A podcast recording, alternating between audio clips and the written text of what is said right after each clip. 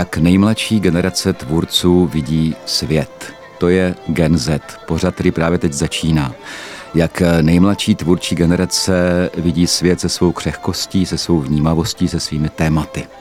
Od mikrofonu vás této chvíli zdraví Jan Hanák, průvodce pořadem a mám tady hostku a autorku dokumentu, který dneska uslyšíme, Zitu Maršíkovou. Zito, vítejte.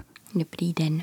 Zito, vy jste, eh, řeknu je to správně, je to strašně dlouhý název pro uměleckou školu. Vy jste studentkou ateliéru rozhlasové a televizní dramaturgie a scénaristiky divadelní fakulty Janáčkovy akademie v Brně. Je to tak? Je, je to tak, sama bych si ten název asi celý nevzpomněla. Já mu říkám Přidalův ateliér, protože to je jednodušší, protože Antonín Přidal byl jako velmi výraznou postavou tady tohoto ateliéru vůbec eh, studia, respektive výuky tady na Difajamu. No to si nezažila, takže už říkám jenom ateliér Haničky Slavíkové. Haničky Slavíkové, správně. Hanka Slavíková je současná šéfka toho ateliéru a mimo jiné tam taky třeba vyučuje Alena Blažijovská a taky Tereza Reková. A Tereza mi dala hodně tipů na studentské dokumenty JAMu a ten váš je jedním z nich a řekl bych eh, dokonce si toho všimli i v Českém rozhlasu, protože váš dokument šel na Vltavě v rámci jakéhosi ateliéru E, stresovalo vás to, že to půjde na Vltavu? Mm, asi ani ne. asi mě to ani nestresovalo, mě stresují jiné věci. Ten váš dokument se jmenuje Vzhůru do hrobů. Eh, co byste k tomu dokázala říct, eh, je potřeba ho uvést, tak aby posluchač jako věděl nějaké nahlášení, ale eh, aby, aby nebyl zmatený, když ho bude poslouchat, ale zároveň aniž byste prozradila podstatné věci, které se máme dozvědět až při jeho poslechu? Mm. No, myslím si, že ten název je vypovídající, protože uh, je tam jakási nadsázka a ten dokument není utvořený tak, aby z toho vzniklo něco vážného, ale zároveň to není žádná legrace. Je to spíš uh, taková, já tomu nechci říkat příručka, ale uh, bylo to, to byl vlastně směr, kterým jsem chtěla mířit, že by to mohla být praktická příručka. A, a vlastně... No, když jste říkala příručka, eh, tak to je praktická příručka pro někoho, kdo hodlá skočit do hrobu, nebo pro ty, kteří třeba jsou pozůstalí a nějak řeší pohřeb například? No, pro pozůstalé to není. Je to spíš pro uh, lidi, kteří chtějí mít věci dopředu vymyšlené, které, pro lidi, které to uklidňuje, že trošku ví, co bude uh, potom, až zemřou. A ne v tom smyslu, jako co je co se s námi stane po smrti, ale eh, co se stane třeba s naším tělem a v jaké situaci budou jejich pozůstalí. Dobře, tak pojďme si poslechnout to, eh, jak jste tady to téma udělala do svého dokumentu. Tedy Zita Maršíková vzhůru. Zita to je uvedené jako Zita Bodková. Takže vy jste Zita Maršíková, mm-hmm. ale teď si poslechneme dokument Zity Bodkové. to tak. Vzhůru do hrobu.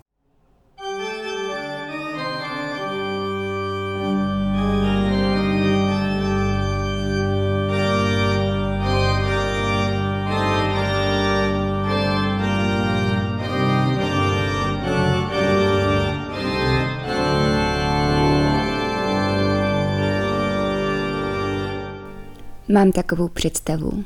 Není to obava, je to obrázek v mojí hlavě. Jdu po ulici, na výlet, na nákup ze školy, nevím. A kolem projíždí nákladák. Takový ten vysoký. A veze klády dřeva ani se neřítí nějakou závratnou rychlostí, prostě jede po městě padesátkou, veze klády a řidič má v puse cigaretu a kouř vyfukuje z pootevřeného okýnka. Řekněme, že se jmenuje třeba Jura a je to ten typ řidiče, který dává svému nákladňáku jméno a má to tam nazdobené praporkama a vonítkama do auta. Je to úplně normální směna. Jede třeba z Třebíče do Varšavy, a nemůže se přece stát nic zvláštního. Jenže jdu po ulici, ten velký nákladák projíždí kolem mě a když už mě má minout, tak se jedna kláda na hromadě uvolní. Zpomalím krok a ta 700 kilogramová smrková kláda mě svaluje na chodník. Lámou se mi žebra, vnitřní krvácení, ale obličej bez úhony, takže v tomhle scénáři bych chtěla mít rakev otevřenou. V druhé verzi, ve které mě kláda zasáhne přímo do hlavy, tak, tak chci rakev zavřenou. Tohle si představuju tak od 12. Vždycky jsem byla morbidní děcko. Pořád jsem morbidní děcko.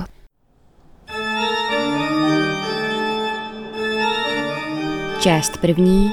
Hloupé holky si baví o věcech, kterým nerozumí.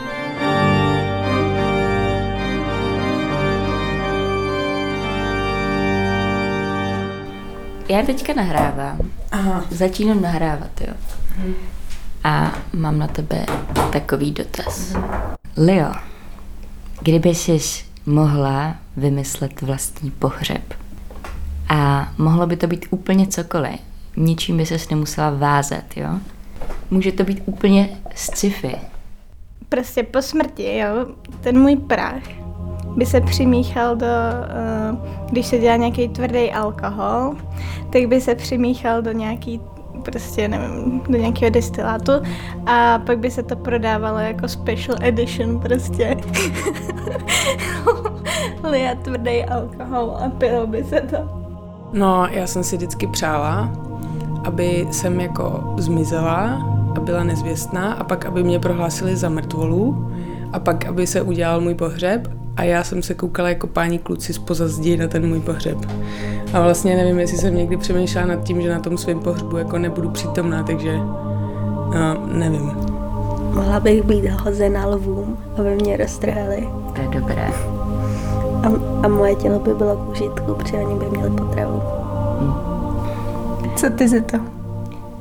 Já bych chtěla, aby ti pozůstalí mě vezli na loďce někde do prostřed moře, kde eh, ve velké hloubce prostě leží vrak nějaké lodi. Měla bych na sobě šaty z jedlého papíru a na krku by mi visely moje perly. A oni by mě prostě spustili k vraku té lodi a postupně by mě ty rybičky ojídaly. Víš, tak jak občas jsou ty wellnessy, kde si dáš ty nohy. Jo. jo. A ty ryby ti žerou nohy. No, tak to bych chtěla, aby mě ty ryby prostě sežraly. A jediné, co by tam třeba za 10, za 50 let po mně zbylo, bude ta kostra a ty perly. Mm. Kdo to je? Standa jde k nám na večeři. Standa k nám jde na večeři. Standa, no. Standa se tě líbí.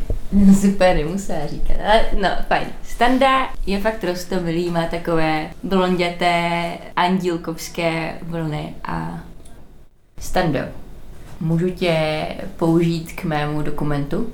Hmm, můžeš. Tak uh, mám na tebe dvě otázky, jo. Otázka číslo jedna. Máš holku? Mám tak eh, se přesuneme k otázce číslo dva a to je, eh, jak by si představoval svůj ideální pohřeb? Čekej, jak já se musím zamyslet. Jo. Jo, já bych se nejradši nechal přimíchat do vápna, kterým se vápní fotbalový hřiště.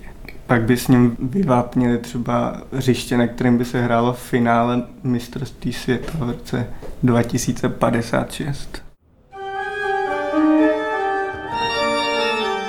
Část druhá. Věci se dějou.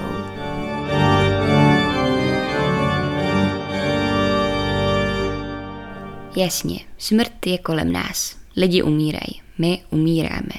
Reinkarnujeme se, chodíme do nebe nebo hníjeme v zemi. Záleží na preferencích. Je jednoduché najednou nebýt. Věci se dějou. A je toho všude plno. Takže moc dobře víme, že když zapneme hlavní televizní zpravodajství, tak nás pokerface Jakuba Železného nebude informovat o otevření nové zoo. Ale i tak, i když jsme s tímto faktem dobře obeznámeni, smrt nás vždycky překvapí. Jako bychom věděli, že nás čeká a přesto ji nečekali.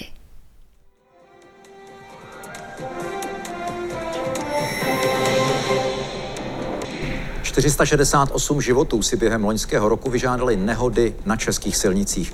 Jde o předběžné číslo od policie, která ho upřesní až v příštím Celé týdnu. to začíná Méně 10 obětí hodin mezi Větrným ve Měníkovem a Jihlavou. Sněhová bouře se přežene přes D1, po které v tu chvíli cestují tisíce lidí. Během pouhých pár minut na sedmi místech, navíc v obou směrech, havarují desítky aut.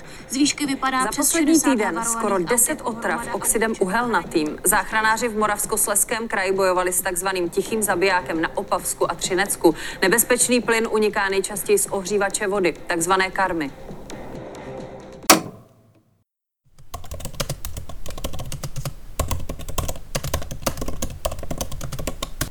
Právě jsem si našla příručku pohřebnictví, vydanou kanceláří ombudsmana a jdeme se na ní podívat.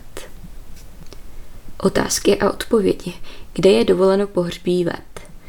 Zákon o pohřebnictví upravuje dva možné způsoby pohřbení, a to buď uložení lidských pozůstatků do hrobu či do hrobky na veřejném pohřebišti, nebo spopelnění lidských pozůstatků v krematoriu. Co je to hrobové místo a jak ho lze zajistit? Získat hrobové místo lze pouze ve formě nájmu, nelze ji tedy koupit. To je zvláštní, že smrt je něco navždy, ale vy si svůj hrob můžete jenom pronajmout. No, je tady toho spousta. Ale především jsem teda pochopila, že můj vysněný pohřeb asi neprojde. Ale já chci vědět, co mě čeká. A jestli nemůžu být sežraná rybičkama ve vraku lodi, chci vědět, co můžu. Takže jsem hledala někoho, kdo zodpoví moje otázky a našla Anu Janoštíkovou, manažerku pohřební služby Goodbye. Sešli jsme se v brněnské kavárně Spolek. Nevím, co jsem čekala, ale rozhodně ne, že bude potetovaná.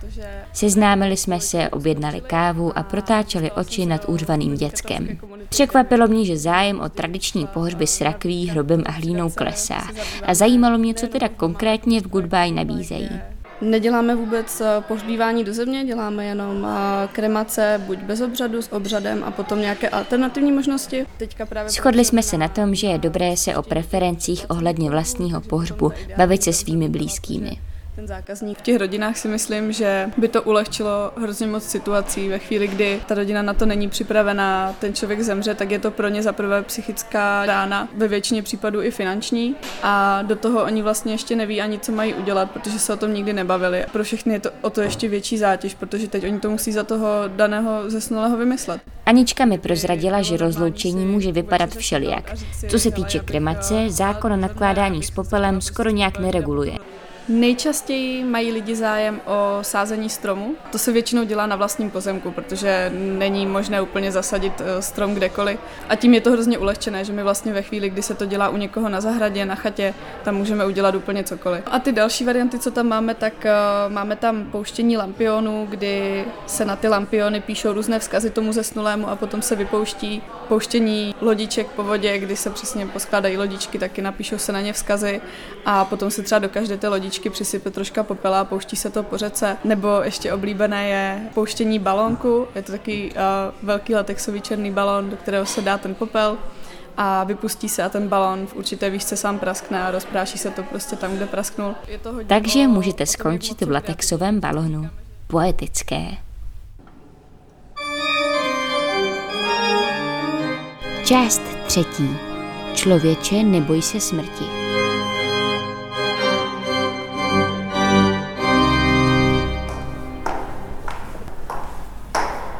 Já se právě vracím domů z nahrávání s paní Janoštíkovou. A vůbec jsem nečekala, že povídání o pohřbech ve mně zbudí tolik, tolik pozitivních emocí. A stala se ještě jedna zajímavá věc. A to, že jsem mluvila o tom, že nejenom, že mě práce v pohřebním ústavu fascinuje, ale vlastně mě docela láká. A mluvila jsem o tom, že když jsem se nastěhovala do Brna, tak eh, jsem si řekla, že bych chtěla zkusit co nejvíc obskurních povolání. A pracovat v pohřební službě byla jedna z prvních věcí, která mě napadla. Hnedka po recepční v hodinovém hotelu. A paní Janoštíková říkala, že zrovna někoho schání v jedné zpřátelené pohřební službě. Takže jsem dostala číslo.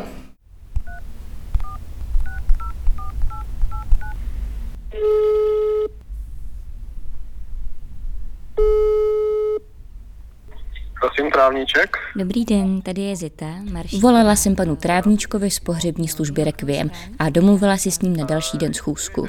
Takže jsem jela do Bosonoch, viděla pět mrtvol, jedna z nich byla nahá, byla jsem na dvou pohřbech a bylo to super. Moc krát. Situace je taková, že jsem zapomněla dodat, že se moje sestra vdává. Moje sestra se vdává a já započínám kariéru v pohřební službě, abych, já nevím, ulovila svého bobříka smrti. Přijde mi to jako úplně jedinečný moment, kdy se prolínají začátky a konce a Počkat, počkat, Te- teď, teď to chce nějaký hudební podkres. Dark Academia, Halloween, Ambient Music for free. Svatba. Zrození manželství. Posvátný svazek. Nevěsta v bílých šatech, které představují její panenskou nevinnost. Pohřeb. Finále bytí černý katafalk potažený černým suknem. Svatba. Luční kvítí zapletené do složitých účesů družiček. Pohřeb. Smuteční věnce na oltáři. Společný prvek obou ceremonií. Opilí strejdové. Takže jedu domů. S tím, že doma už týden nikdo nespí a nejí, svatba je zítra a já jsem svědek. No, o tom proslovu se bavíme. No, takže prostě budu mít ten proslov. No a potom o, ty budeš mít ten proslov po obědě. Jo. Wow. Bo bacha je to těžké. ten jednoduchý stříbrný je od Elišky a ty máš zlatý s kamínkem. Mhm. A Já kvouknu to, se já, já to budu mít v nose. A uzoučky máte teda. Aha. My jsme chtěli, aby to se to hezky tvarovalo na té ruce. Jakože, co si myslíte o tom, že, že dělám dokument o pohřebnictví? Že jsi odvážná. Myslím, přijde, že se za to vyhodí. A proč se to ke mně hodí? Taky to řekni něco, co řík- vždycky mi říkáš. Jsi emo trošku, no. A teda, stalo se to s tou pohřební službou. To bylo trochu nečekané, ale jdu tam zase příští týden asi. A budou mě zaučovat. Ty budeš hrobník? Jo. Jo, potřebuješ lopatu? Možná budu ten smutečný řečník, to by bylo dobré. Elo, prosím tě, pojďte, to musí slyšet. No, no já mě to prostě... Já to poslouchám. Čtyři svatby, jeden pohřeb.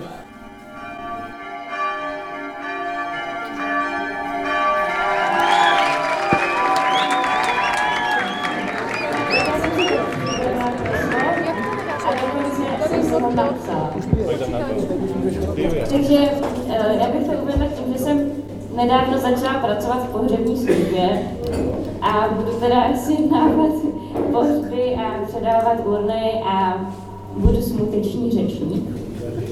Jenže to jsem nikdy nedělala a tak mě napadlo, že si to na vás vyzkouším, když už jsem tak svědek. Jo, a zkuste se nesmát, protože to se na pohřbu nehodí. Takže, drahá rodino, milí přátelé, vážení smuteční hosté, Bůh dává a Bůh bere. Dnešním dnem nás obdařil touto nevýdanou hostinou a rautem tam vzadu. Mňam. Smutek, zoufalství, beznaděj a velké množství slz. To je to, co v tuto temnou chvíli vidím před sebou. A také to, co cítím ve svém zlomeném srdci. Matrikáři získali své podpisy a plné sklenice jsou najednou poloprázdné.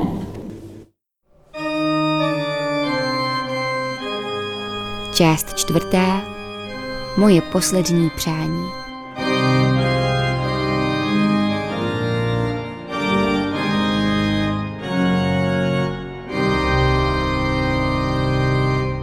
Tak trochu jsem našla, co jsem hledala.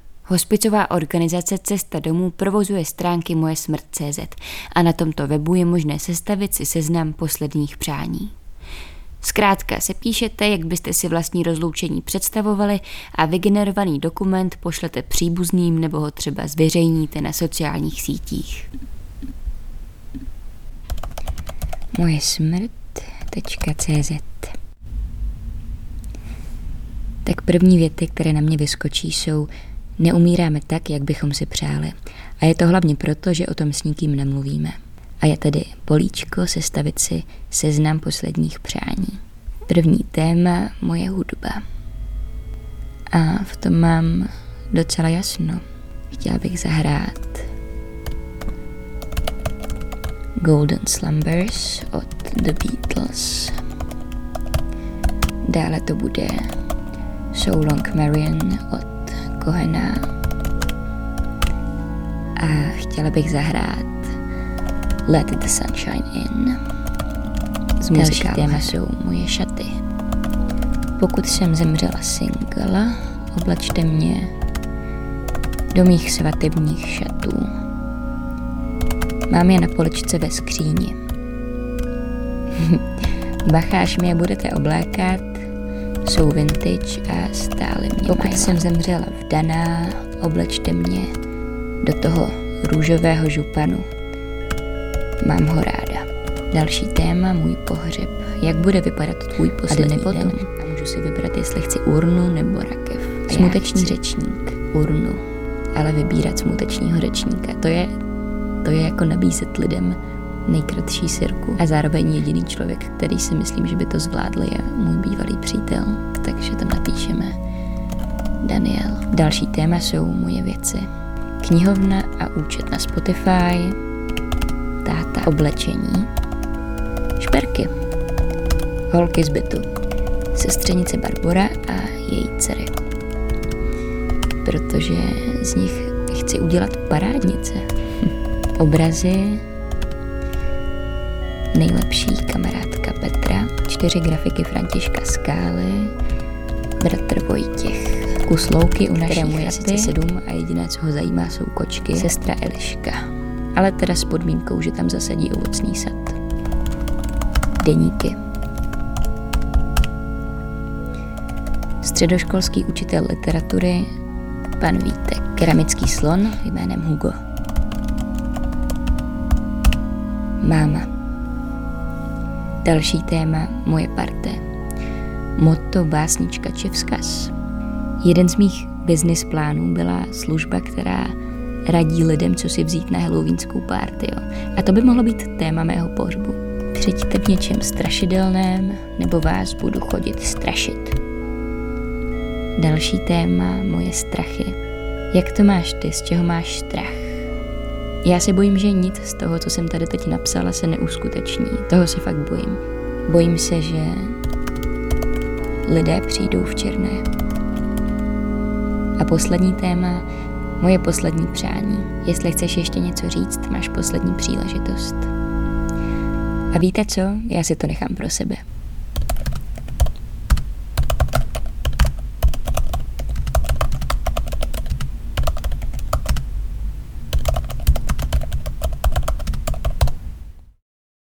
Tak to byl dokument Zity Bodkové alias Maršíkové vzhůru do hrobů v pořadu Gen Z na Proglasu. Já tady Zitu ještě jednou vítám, tak vítejte. Děkuji, cítím se vítaná. To jsem rád. A od mikrofonu vás stále zdraví průvodce pořadem Jan Hanák.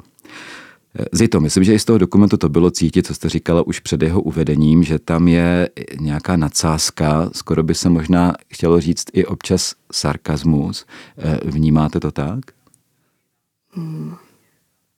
Já myslím si, že to jako sarkazmus úplně není. Já to neumím nějak popsat. Já vlastně taky moc nevím, co se z toho vytvořilo. Že nemám pocit, že jsem nad tím měla úplně kontrolu, ale... Tvoříte hodně intuitivně? Asi jo. Nekontrolovatelně, chaoticky. Mhm. A proč vás vlastně zaujalo tady tohle téma? Proč vy taky uvažujete o tom, eh, co se stane s vaším tělem po smrti nebo během pohřbu? Eh, nebo je to třeba zkušenost s vašimi blízkými? Nebo se to prostě odehrává v vašem okolí? Nebo znáte někoho, kdo třeba už poměrně mladém věku má jasné hrobové místo a podobně? No, vlastně ani nemám pocit, že by přišel nějaký podnět, který by mě inspiroval k tomu tenhle dokument vytvořit, nebo vůbec si to nepamatuju, ale já mám vždycky nějaké jako období, kdy se do něčeho takhle ponořím a, a je to až takové jako obsesivní a myslím si, že to se přesně stalo, že mám teďka takové pohřební období a těch období bylo předtím už víc. Já měla jsem období sňatkové, potom jsem měla období mateřské, které díky bohu nemělo žádné trvalé následky, potom jsem přišla do Brna, to jsem se tak jako rozkoukávala a potom přišlo pohřební období, kterým si teď procházím.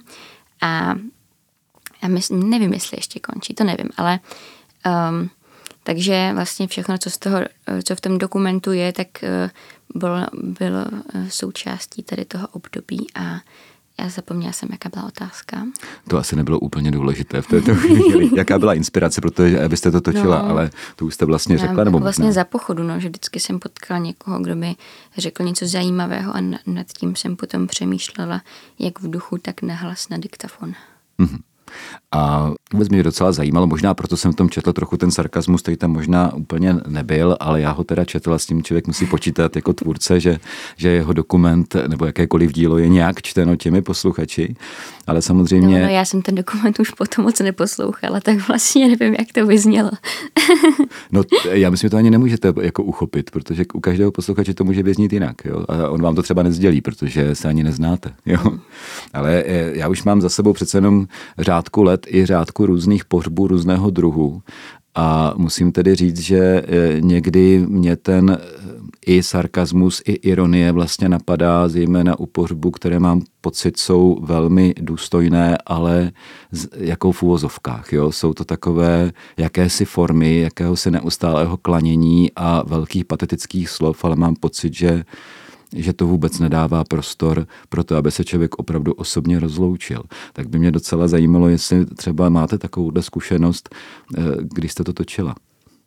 To byla hrozně dlouhá otázka, můžete si ní udělat kratší. Kratší otázku, dobře. Máte zkušenost s tím, že jste třeba byla na pohřbu, kde jste si říkala, že spíš se chcete jako ironicky smát, než plakat? No předtím, než jsem eh, nastoupila do té pohřební služby, kde teďka pracuji, no, tím vlastně ten dokument trochu končí, že jsem tam začala pracovat.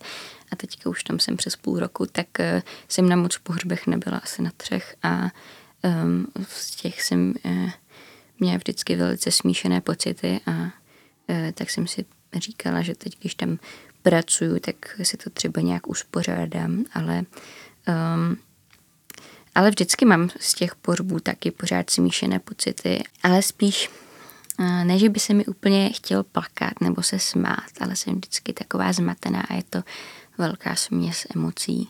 A, ale rozhodně se tam stávají vel, velice bizarní situace, ale já jako nevím, jestli se jim smát. Hmm. Vlastně nevím, jestli mi to připadá legrační. Je to taková zvláštní hranice. To mi to taky nepřijde úplně legrační, rozhodně bych se nesmál, ale... Je to asi nesmíju, to já umím jako udržet. Jo, jo. Výraz, samozřejmě. ale spíš, že eh, se tam jako vnitřně kroutím a říkám si, Kež by tam místo nějakého obřadníka radši pustili někoho, kdo toho člověka znal, který řekne tři slova nebo pět vět a, a stačí to. Není, a může se i mlčet. Jo. Tak proto to vlastně říkám. Jo. Je to takový, taková zvláštní ambivalence v člověku. Eh, Ony existují samozřejmě docela, eh, docela zaužívané. Ještě jak jste zmínil, zmínil toho obřadníka, tak vlastně to je uh, docela možná specifikum českého pohřebnictví, že když si jdou uh, lidi k nám objednat pohřeb, tak z 99%, co já jsem zažila, tak chtěli právě, aby jim tam mluvil nějaký profesionál, že jsem vlastně si tam lidi nechtějí pronést nějakou svoji řeč, což je samozřejmě škoda. Hmm. Je to mnohem lepší a osobnější, když tam jde někdo z té rodiny nebo někdo, kdo znal toho zesnulého, ale neděje se to. Možná se bojí. Bojí se a jsou ve velmi, velmi složité e, situaci. To musí to být hrozně emočně náročné, ale e, myslím si, že velice často toho potom litují. Hmm. Nebo možná spíš takhle, že by toho nelitovali, kdyby tam šli na to pódium a něco řekli. Ať už by si to připravili nebo ne. Když jste mluvila o tom, že jste měla sňatkové období a pak mateřské období a teďka máte pohřební období, tak člověk bych si řekl vzhledem k vašemu mladému věku, že sňatkové období či mateřské je takové... Já už si říkám, že už je jako pozdě, že tehdy to ještě bylo zajímavé, když mi bylo 17. Nebo jsem si říkal, ty, to by bylo dobré, kdybych měla dítě v 15, to už by mohlo být teďka ve, ve škole. Ale teďka, kdybych měla mateřské období, tak už by mi to nepřipadalo ničím zajímavé. No mě právě zaujalo, že, že ve svém mladém věku bych řekl, že asi pro většinu lidí snětek či mateřství či otcovství je něco, čeho se třeba dotýká nebo co může být reálné v životě ale pokud jde o ten pohřeb, respektive o to vaše třeba doprovázení v té pohřební službě i lidí, kteří jsou starší, většinou samozřejmě ty pohřby se týkají lidí, ty, který pochováváme, kteří jsou prostě starší nebo staří, že to je možná období vzdálené. Jo? E, jakým způsobem si jako nacházíte cestu k tomu, jak porozumět někomu, kdo je starý? Může to být třeba i nějaký konkrétní příklad z vaší zkušenosti, mm-hmm. kterou máte v pohřební službě. Rozumíte jim, těm lidem? Jako těm mrtvým nebo těm Ne, těm mrtvým, těm pozůstalým. A často, když třeba zemře někoho manžel či manželka, taky ten pozůstalý je samozřejmě starý člověk. Jako rozumím, v jakém slova smyslu, jestli se dokážu vzít, vžít do jejich situace, nebo jestli jako vím, jak No možná i vžít, já si teda nemyslím, že by bylo úplně nutné se vžít do té situace, to asi tak úplně nejde, nebo jde? Hmm. Tak pokud jsem te, v té situaci nebyla, že mi nezemřel manžel, protože jsem, mi, mi skončilo to manželské období, tak eh, to tam samozřejmě nemůžu. Možná ne vžít, ale možná trochu načíst tu situaci a a mít nějaké povědomí o tom, co by ten člověk vlastně v této chvíli potřeboval od vás. No to si myslím, že je vlastně součást té práce nějak uh, vycítit, jestli ten člověk, um, který jde zřizovat ten pohřeb, chce spíš řešit ty praktické věci nebo třeba potřebuje nějakou psychickou podporu. A rozhodně mi třeba um, připadá dobře a občas to dělám, že uh, řeknu, že je naprosto jako v pohodě třeba si zajít uh, k psychologovi nebo vyhledat nějakou podporu. Um, v momentě, kdy to třeba zemřel mladý člověk a zůstala po něm vdova, tak se zeptám, jestli jako uvažuje, že by se nastěhovala zpátky k rodičům nebo něco takového. Mm-hmm. A tak, takže fakt záleží na tom, kdo ten pohřeb objednává a jsou lidi, kteří vyloženě to chtějí mít rychle z krku a jim vlastně úplně jedno, jak bude vypadat parte a za deset minut z té kanceláře odchází.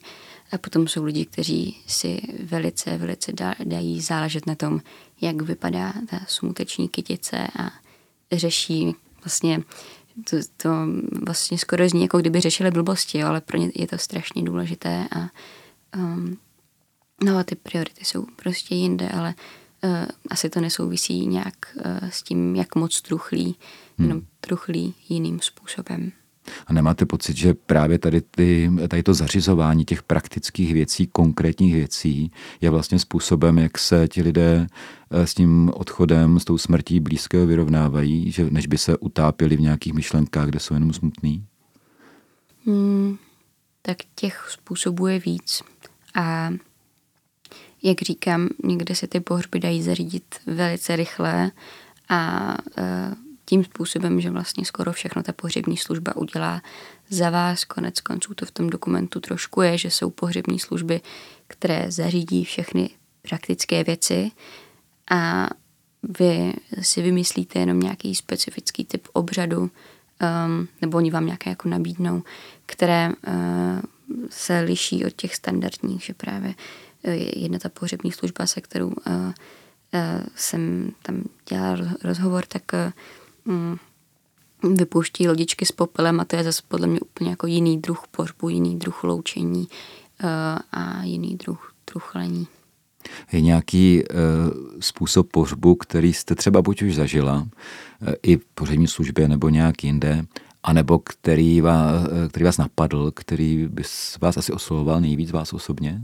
Mm, no tak já jsem si právě prošla tady e, tímhle rozhodováním, co mě je vlastně nejvíc sympatické a zaujal mě jeden druh pohřbu, který jsem teda nezažila, ale připadá mi, že je to, třeba pro mě by to bylo mm, nebo na mě by to působilo úplně nejvíc autenticky a je mi to vlastně nejsympatičtější. Říká se tomu dům smutku a je to vlastně, když eh, to tělo zůstává nějakou dobu v domě, kde zemřelo, to třeba u starých lidí a jenom se přiveze taková jako chladící box, to je jedno. Ale eh, lidé se můžou přijít rozloučit přímo k němu domů. Samozřejmě to musí trvat eh, jako méně času, jo, že hmm. není to přece jenom jako když ten člověk leží v márnici, ty podmínky jsou jiné. Nicméně ten pohřeb potom probíhá způsobem, že se to auto s tou rakví jako doprovází buď na hřbitov, anebo do zatáčky a potom míří do krematoria, ale je tam právě to místo toho bydliště a třeba já jsem hrozně napojená na uh, můj rodný dům a myslím si, že můj pokoj nebo moje pokoje vypovídají o tom, jaká jsem a jaký jsem člověk. A zvlášť, když tam ten člověk třeba prožil celý svůj život, tak je to úplně něco jiného, že se za ním jdete rozloučit k němu domů, než když, když jdete do té chladné obřadní síně. Hmm. To je zajímavé, že tak vlastně popisujete částečně něco, co patří k velmi tradiční formě pohřbu a dneska se to už většinou moc nedělá, už taky proto, že lidé obvykle neumírají doma. Ale když to tak ještě bylo, a někdy i, ale i dnes. že to dá zařídit, že i tak no to jo, to jo, ale ta tradiční forma je taková, že vlastně, když někdo zemřel doma, tak zůstal doma, byl, byl samozřejmě upraven, umyt, oblečen a tak dál. A byl opravdu nějakou dobu doma, eh, kde lidi, lidi přicházeli, modlili se za něho nebo se s ním nějak loučili s tím člověkem. A pak vlastně pohřeb začal tím, že se vyšlo z domu, eh, šlo se do kostela, obvykle ve stejné vesnici a z toho kostela na hřbitov. Jo. Ale mm. vlastně to začíná eh, doma. Mně to přijde jako zajímavé, jak vy to uchopujete, že vlastně ten dům taky hodně vypovídá o nás. Jo, a mám pocit, že právě na tyhle uh, typy pohřbu lidi už pomalu jako zapomínají mm. a ti mladí o tom vůbec neví. Já jsem se o tom dozvěděla, když uh, jsem začala pracovat v pohřební službě, což je ten extrémní případ, že jo.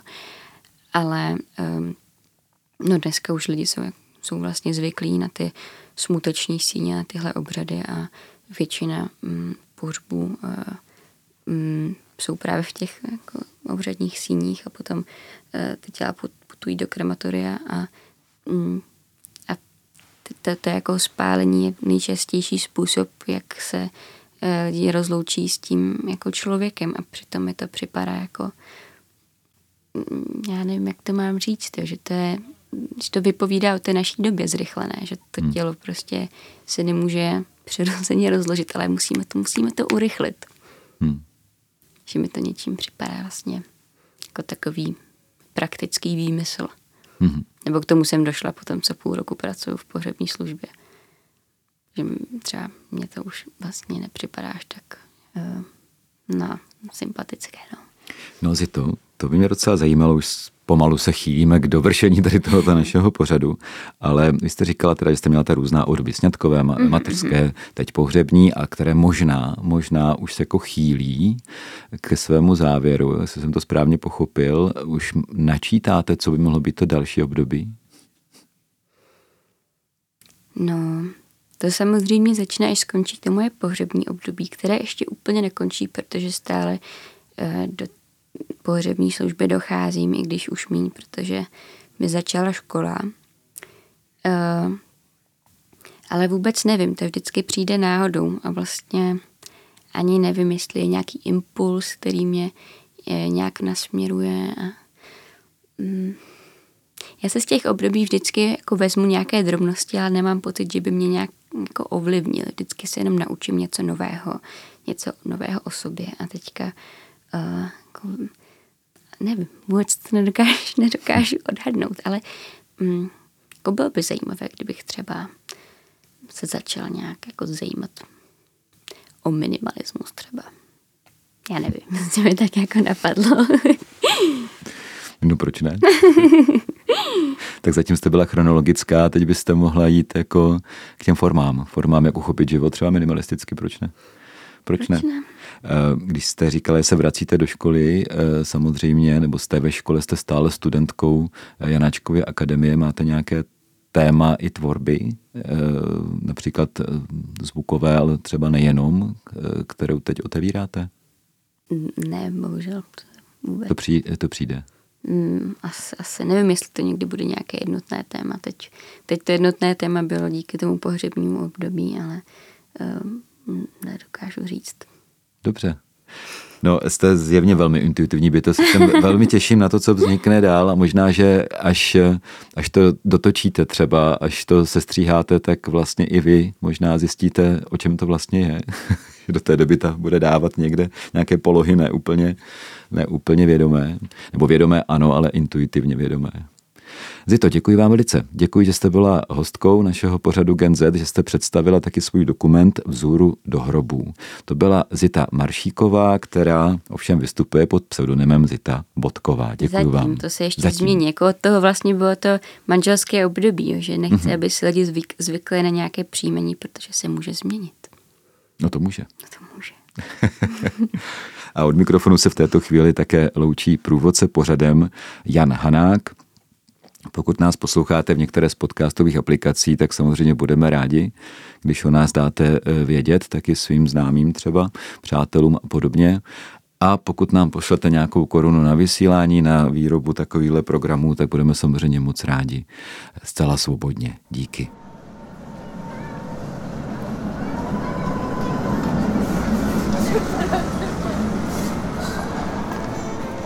Je to marketingový tah? Je generace Z. Ale přesto. Generace nejmladších dospělých bez pochyby není jednolitá, přesto je tou, která začíná utvářet náš svět, ať se to někomu líbí či ne. Týdeník Gen Z přináší jejich pohled s jejich vnímavostí, citlivostí a snad i křehkostí. Studentský dokument či reportáž a debata s tvůrci. To je Gen Z. V pondělí v 10 večer, ve čtvrtek po páté a samozřejmě na webu a v podcastových aplikacích. Nesouhlasíte? Nemusíte. Jen poslouchejte. Ať víte.